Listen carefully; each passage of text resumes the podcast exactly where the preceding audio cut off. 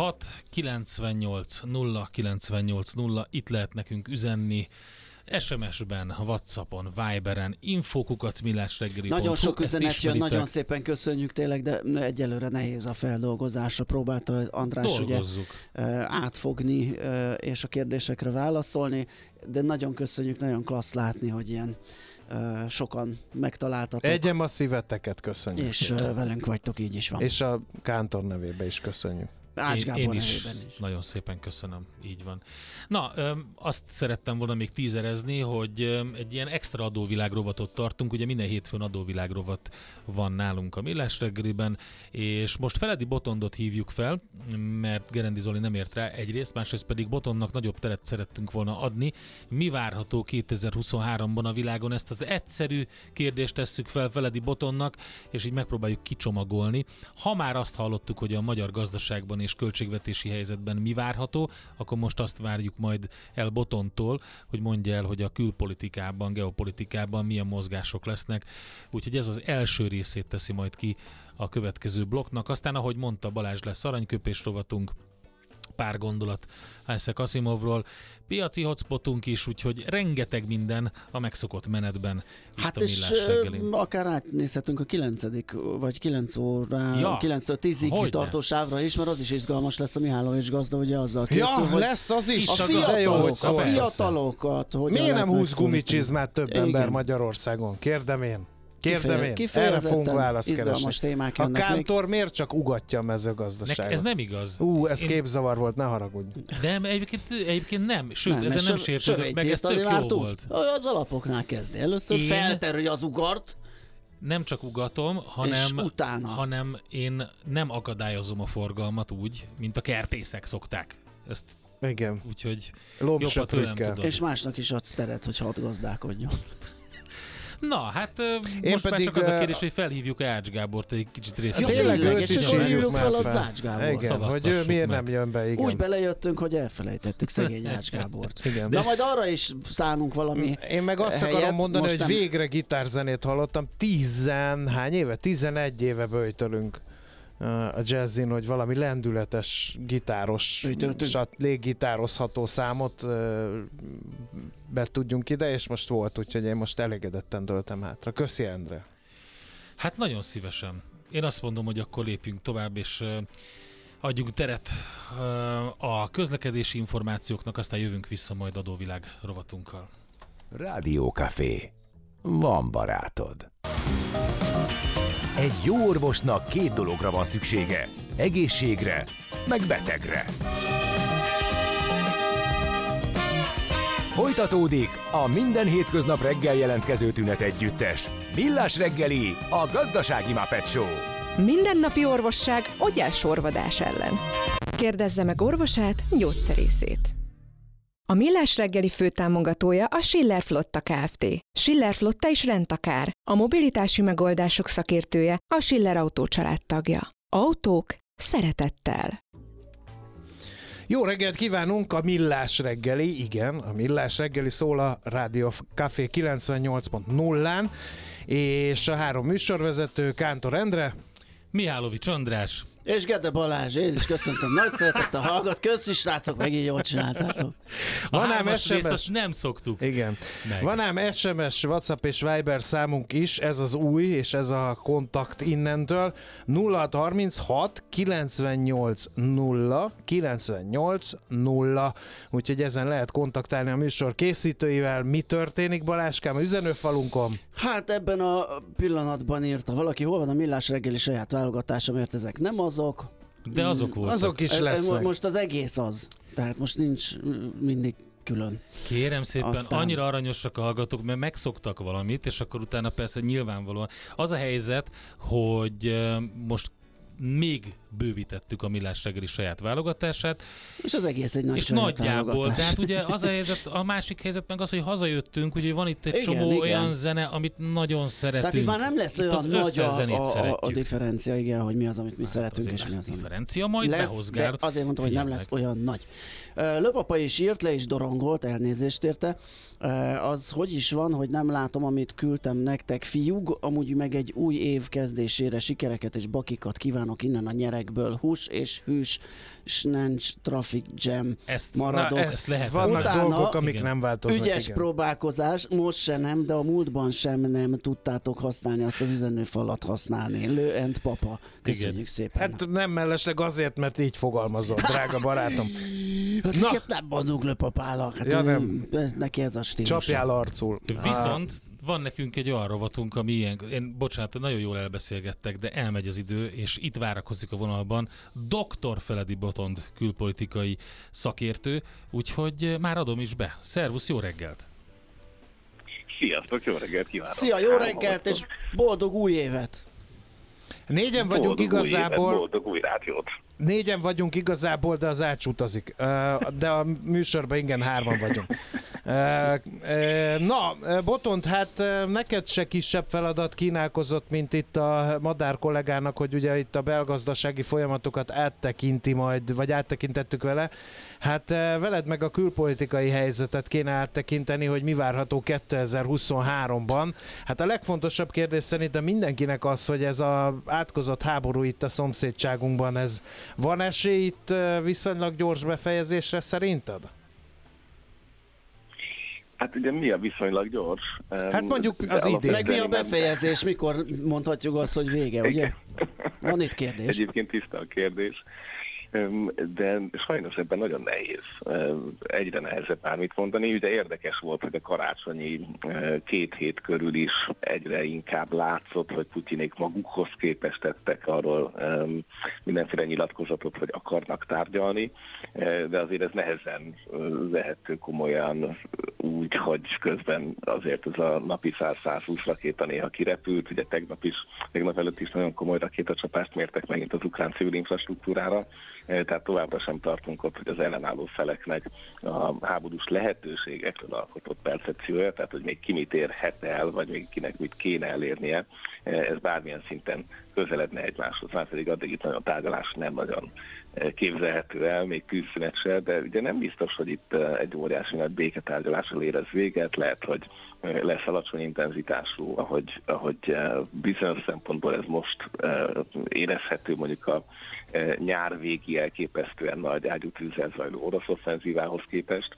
és hát azért ugye ez a 300 ezer ember, akit ősszel besoroztak, ebből most a katonai szakértők szerint azért már 100 ezer valahol ott van, tehát rotálni lehet az oroszokat, miközben persze képzetlenek, és erről is nagyon durva twitteres beszámolók vannak, hogy hogy küldik őket előre ágyútölteléknek az ukránokkal szemben, tehát eh, én nem látom ennek most a végét, és Putyin pedig, ami viszont kivehető, hogy ügyesen ahhoz képest, amilyen a helyzet, eh, kapaszkodik a székébe és tartja a hatalmát, és eh, nem, nem látni az óriási forradalmat eh, vele szemben, eh, még Viszont- akkor is, ha menekül a tőke.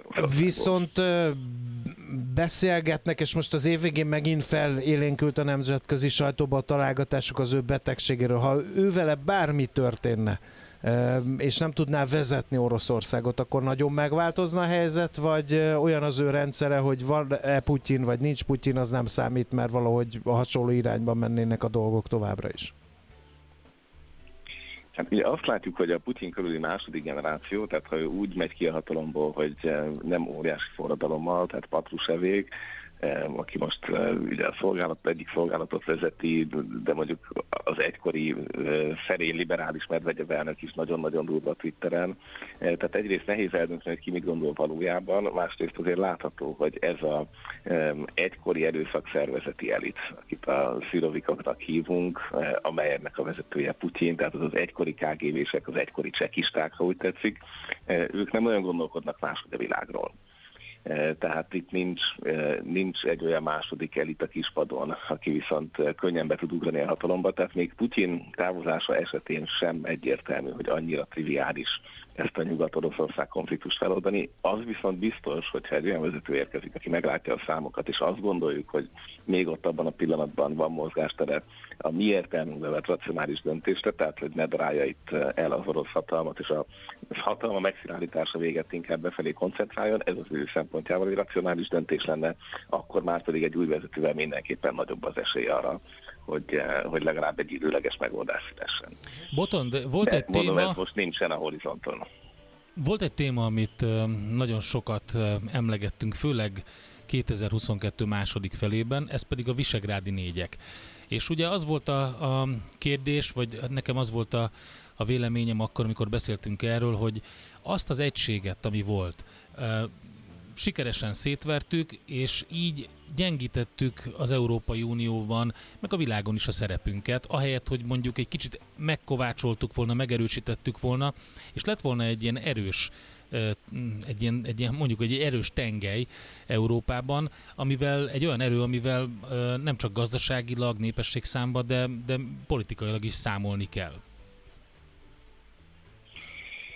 Um, most gondolkozom, hogy hol is érdemes kezdeni ezt a választ, mert tehát leírásban valószínűleg egyetértünk, hogy a Visegráda jelentőségéből még veszített, és gyakorlatilag diplomáciai bevetésre képtelen állapotban van.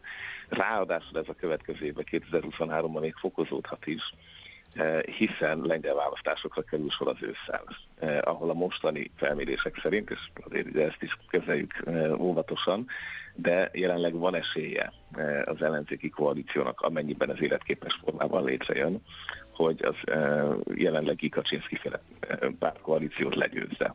Miközben egyébként ők vezetik a, a közvéleménykutatásokat, ha pártok szerint nézzük, ezt is tegyük hozzá. Tehát itt, itt talán a legnagyobb partnernél is változás következhet be, ami, ami megint teljesen új helyzetet teremt a magyar külpolitika számára is, hogyha ez a konzervatív lengyel kormánypárt kiesne a hatalomból.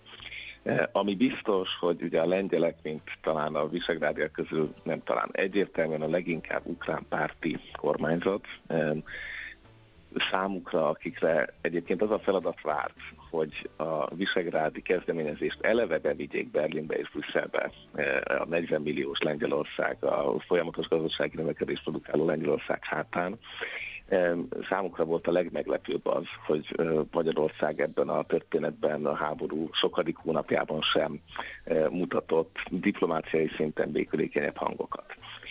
Úgyhogy innentől kezdve valóban a, a visegrádi együttműködés az, az botladozott, és aztán gyakorlatilag tetszalott állapotba került. Ezt valamikor a nyár végén mondta Moraviecki, hogy azért persze pragmatikus brüsszeli ügyekbe összefoghatnak, és látjuk, hogy a lengyelek is küzdenek a EU-s költségvetési pénzeikért. Tehát effektíve ugyanúgy alá vannak írva a megállapodásaik, de nem kapják meg a pénzeket, tehát itt tényleg van egy pragmatikus szempontú koalíció, de egyébként ez nem sokat segít, mert itt most nem a hetes cikkeiről és konszenzusról van szó.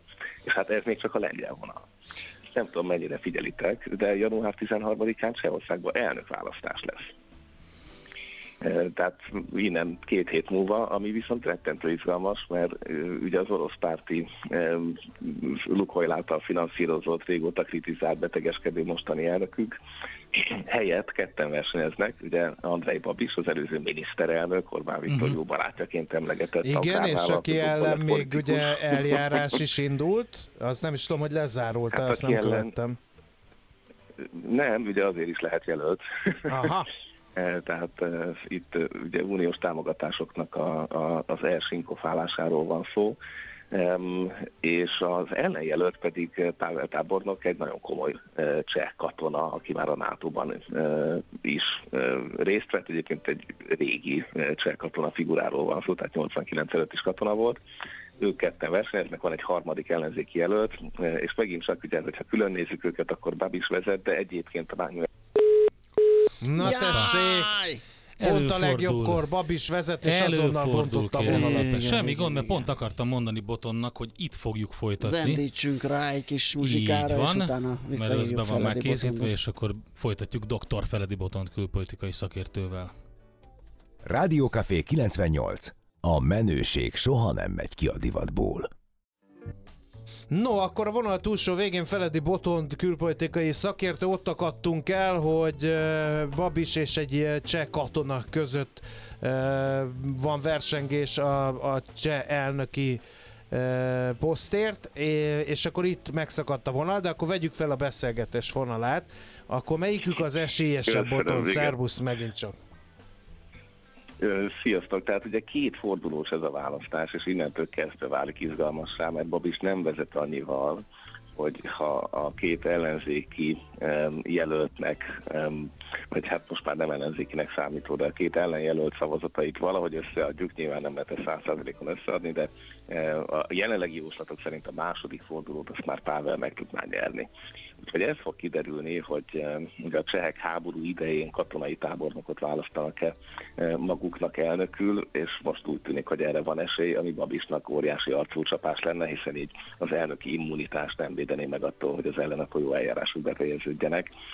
Hasonló kísérletet egyébként Robert Fitzótól láttunk, aki egyszer alkotmánybíró akart lenni, ugye a Ján Kuciák gyilkosság után megbukott kormányzati időben, és azóta is felmerül, vagy esetleg csak utóbb a mandátumának lejárt, akkor majd államfőként megpróbálja. Hát ez úgy látszik egy működő, működő elgondolás meglátjuk, hogy, hogy egyáltalán ez most a prágai uh-huh. választásokon, illetve a csehországi elnök választáson működhet-e.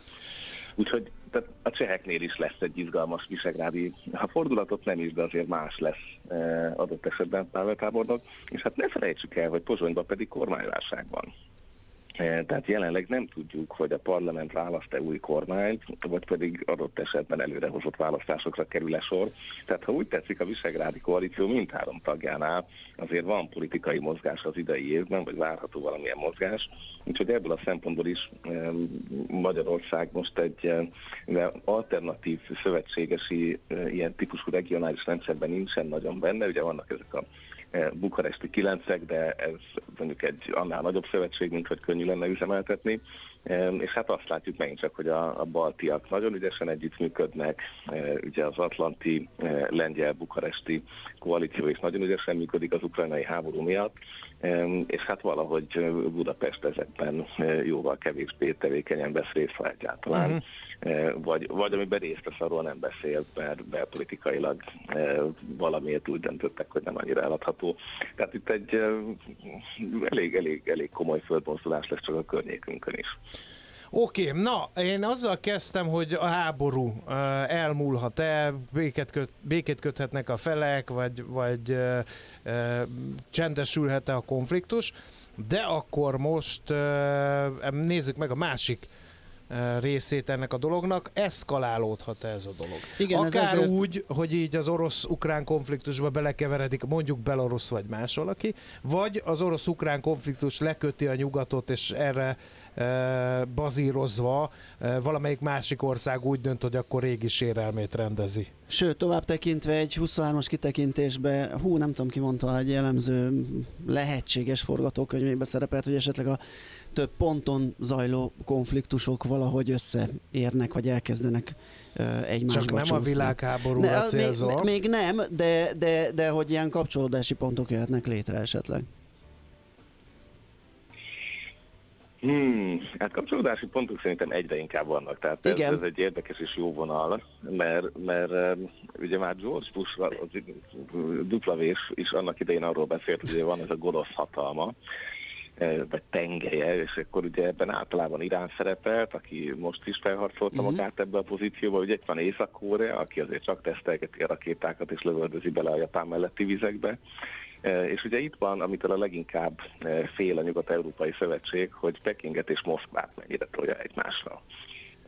És ebben a mozgás egyébként azért nem én mindig egy picit óvatosabban kezeltem, ugye ők nem stratégiai szövetségesek, hanem taktikai szövetségesek, még akkor is, hogyha egyébként nem ezt mondják, hiszen számos érdekük ellenkezik, akár a közép-ázsiai térség kínai befolyásának való alávetéséről, vagy az északi sarki felfedezésekről, tehát ezek komoly orosz-kínai versenyek vannak a perifériákon, már ami Oroszország perifériáját illeti.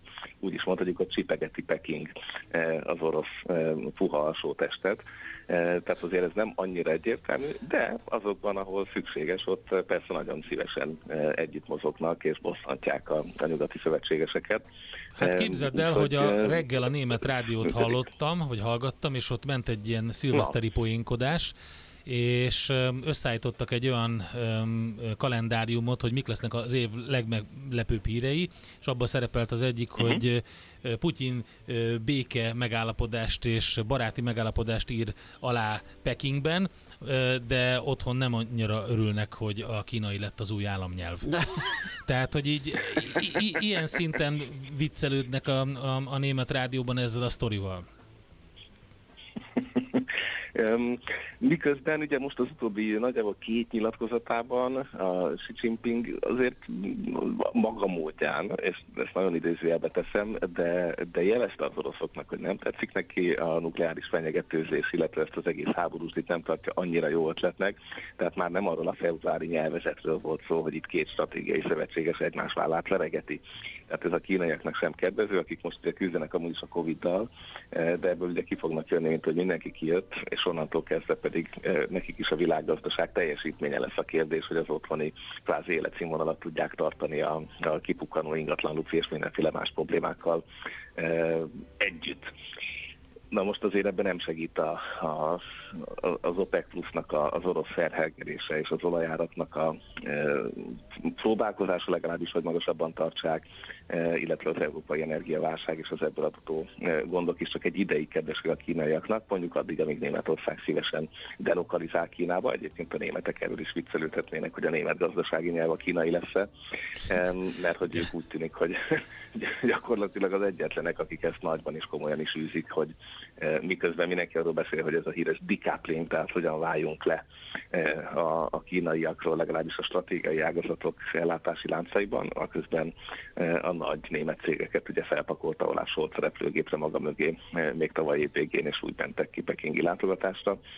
Ez pár éve még senkinek egy szemöldök rándulást sem okozott volna, manapság viszont erről kezdünk máshogy gondolkozni, mert hogy szemmel látható, hogy ez a stratégiai függőség kritikus területeken nem egy jó ötlet, helyzet, lásd Covid, lásd gáz az oroszokkal, viszont Európának erre nagyobb ráfutás kell. E, tehát ami, ami egyébként 23-ban izgalmas lesz, hogy Európa is rájött, hogy kritikus alapanyagokkal foglalkozni kell. Tehát ha szerintem valamiről fogunk hallani 2023-ban, azok a kritikus alapanyagok lesznek, mert lehet itt megújuló iparról, meg akkumulátoriparról beszélgetni, de hogyha nem hozzák ide az ehhez szükséges effektív nyersanyagokat, hát, nikkel, kobalt, Képzeld, ez volt a másik akkor, vicc a kalendáriumban.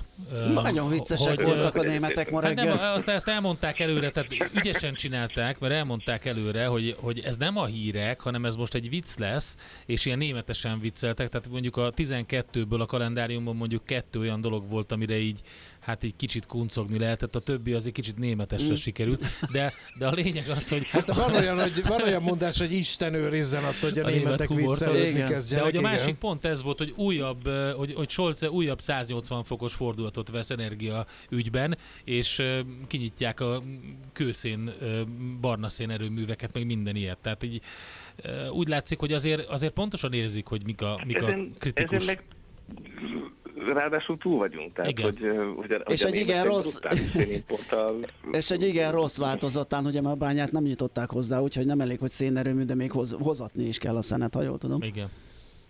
Így van, így van. Tehát hozatják a szenet, miközben pont Dél-Afrikában mosolyogtak ugye ezzel, hogy a németek fizették a szénről való leválásukat, miközben saját maguk meg visszakagyarodtak rá. Tehát, hogy ez egy nagyon-nagyon komoly történet lesz, hogy mi lesz az atomerőművekkel.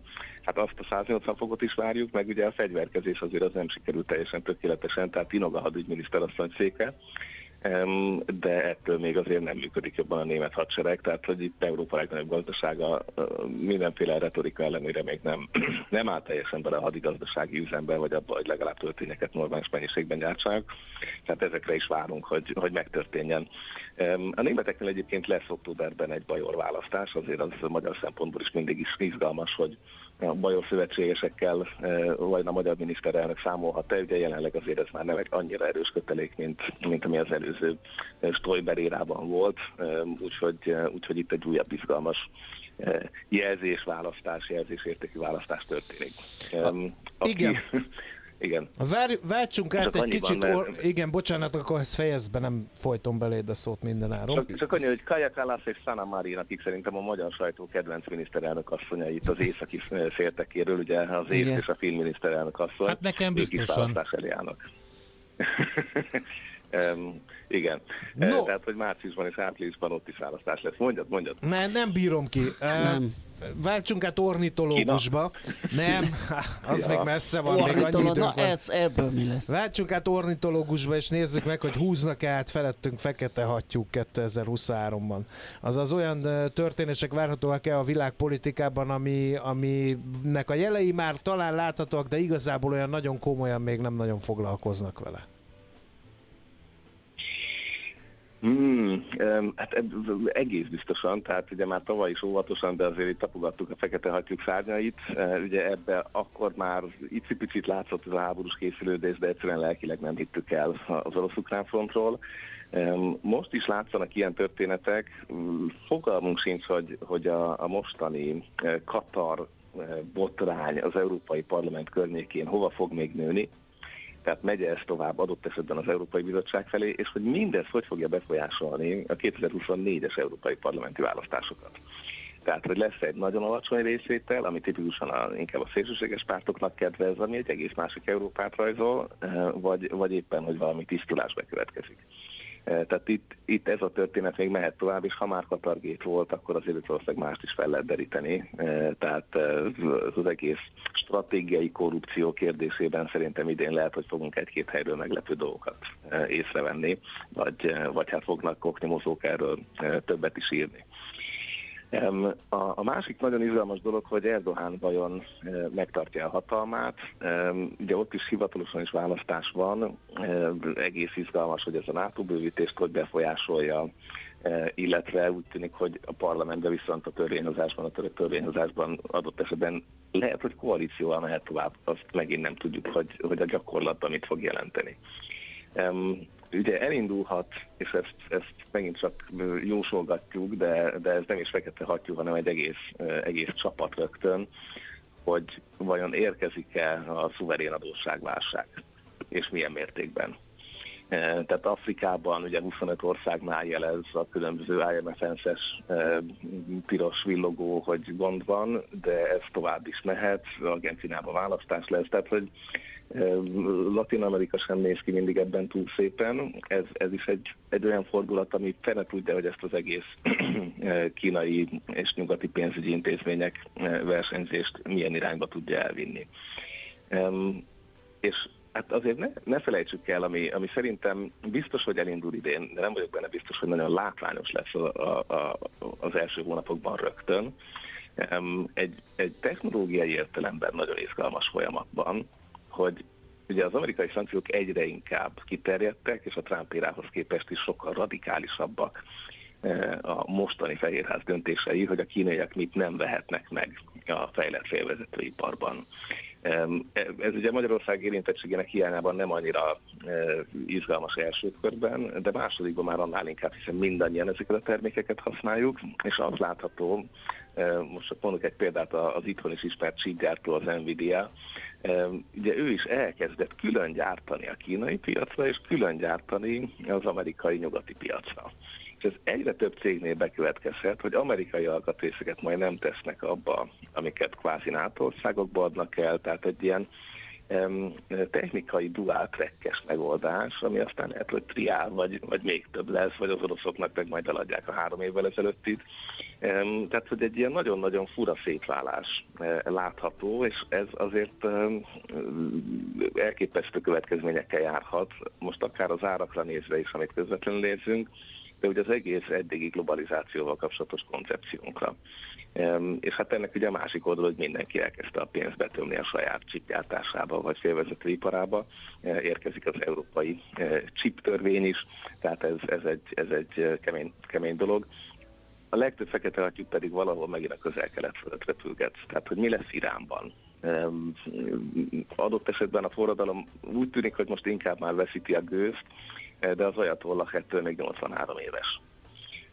Tehát azért ott még, ott még lehet fordulat, mindig lehet fordulat, és ugyanez azért végigpörgetett a legtöbb országban, tehát Egyiptom gazdasága se áll jól, Ugye a szaudiaknál óriási kísérletezés zajlik, Jemenben azért a maga módján mégiscsak meg tovább egy Hát háború. ugye azt sajnos uh, teljesen elfelejtjük itt, itt a, a sokkal nagyobbnak tűnő problémáknak a, a tükrében, hogy ott mi történik, elképesztő humanitárius katasztrófa tovább folytatódik Jemenben.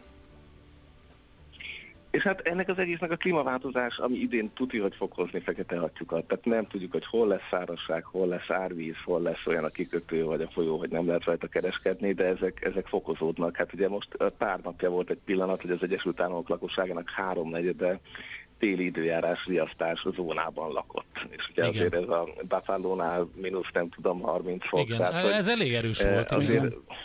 Félig befagyott mi a gara. Ezek, nagyon durva, mondjuk a képek szépek, de semmi más valószínűleg. Szóval, hogy ez, ez, ez fokozódni fog, és ez minket is külkeményen fog érinteni, és megint csak azokat az országokat fogja e, kevésbé sújtani, ahol egy normálisan működő tervező közigazgatás e, felkészíti a magánszektort is valamennyire az ilyesmi dolgokra. E, és hát szerintem a másik közös kedvenc témánk a kiberbiztonság. Tehát az az, ahol egyszerűen mhm. nem tudjuk, hogy egy miscalculation, egy rosszul megírt programsor, vagy egy vadabb orosz tábornok, ne Isten túlszorgos kínai aparátsik, mikor fog úgy dönteni, hogy, eh, hogy akkor még azt a kórházat, még azt a valamit is kipróbálják. Hát ugye ennél sokkal nagyobb targeteket is leszettek már Igen. Eh, nyugat-európai, amerikai eh, színekben, tehát itt nagyon komoly amerikai kormányzati információk mennek ki, és hát a szellemi tulajdon talicskán van kitolva. Úgyhogy tehát, hogy itt mikor pattan el rossz helyen ez a dolog, ezt nem tudjuk, és itt a Balkán. Tehát egyébként nem kell olyan elképesztő. Hát bizony, a riadó készültségben volt a szerb hadsereg, és az is a szomszédunkban volt. Így van, így van. Botond, lesz témád. Szerb, Koszovó. nem, nem aggódom. Le, igen, lesz muníció az évre. Remélhetőleg. Igen, pozitív Jó. végkifejlete. Hát beszéljünk mindezekről, megnézzük, hogy lesz-e új brit király, miniszterelnök, bármi egyéb vagy maradnak most már a, a, az idei felállásnál, azért ez valószínűleg Ú, én nem mernék jósolni 2023-ra, úgyhogy ami itt volt, csinadratta. Hálátlan. Igen, elég erős. Oké, okay, hát innen folytatjuk. Köszönjük szépen, Nagyon hogy köszönjük. Legyen így. jelentkeztél. Jó étkezdés, jó gondolkozás, szervusztok. Köszönjük Szervusz. neked, és szép napot, szia! Dr. Feledi Boton külpolitikai szakértővel néztünk egy kicsit előre, hogy mi várható 2023-ban.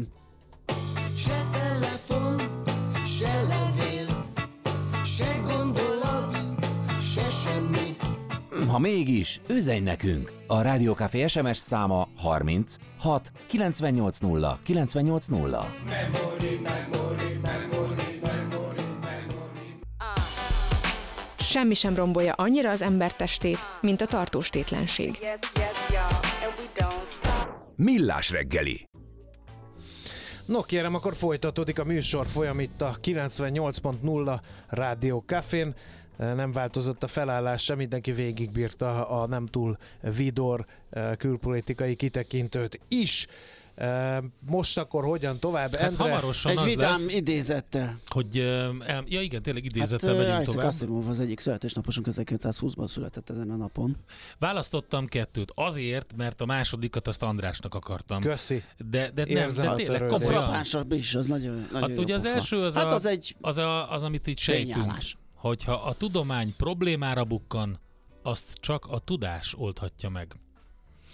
Hát manapság ugye e, úgy van, hogy az orvosokhoz is e, Google kereséssel mennek, ezt Igen. tapasztalatból tudom ismerősöktől, családtagoktól, hogy megőrülnek tőle a dokik, amikor, amikor megkapják azt, hogy mi a diagnózis már Na, előre, ez, mert én Ez a nagyobb baj. Nem vagyok benne biztos, hogy a Google kereséssel van baj. Az a nagyobb baj, hogyha elkezdünk magunknak diagnosztizálni.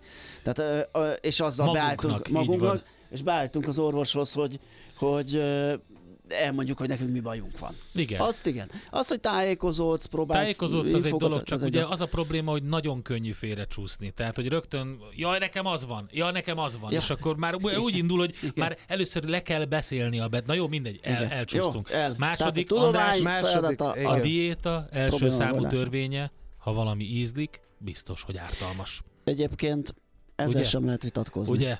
Az Nem. édesség, az mondta. a zsír, tehát az adja meg az A aromát, cukor, az amatot, a, a cukor, a csokolád. Tehát Igen. nem egy, nem egy sós vízben megfőtt rizs. Barna rizs, barna rizs, csirkehússal, szárazon. Csirke mellel, nem.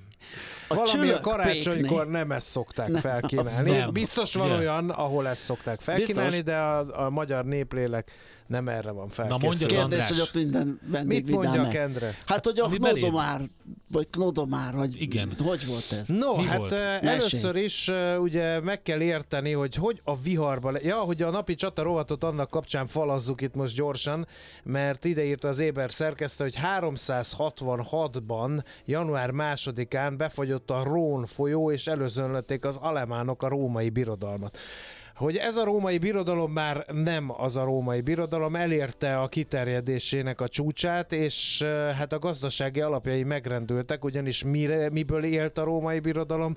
A rabszolgakereskedelemből, meg a rablásból és fosztogatásból, ezt mondjuk ki, abból épültek ezek a remek dolgok, amiket még most is eh, lehet látni, ugye, ha valaki Rómában jár kell, és hát kicsit szervezettebbé váltak a barbárok is, mert megtanulták a leckét, és ez a kettő együtt hozta azt, hogy e, több irányból is e, sikeresen betörtek a római birodalomba a barbárok, köztük az alemánok is 366-ban, e, és e, ez tovább, furcsa módon tovább gyorsította a római birodalom hanyatlását. Miért? Azért, mert hogy az ilyen betöréseket már nem a császár verte le. Ugye oda ment a, régen a császár, összeszedte az összes légióját, vállaltak egy egyenlőtlen hadjáratot, mármint a barbárok szempontjából egyenlőtlen hadjáratot, és leverték nagy diadalmenet a római fórumon, és mindenféle címek, rangok, stb. stb. kérdés le volt zárva.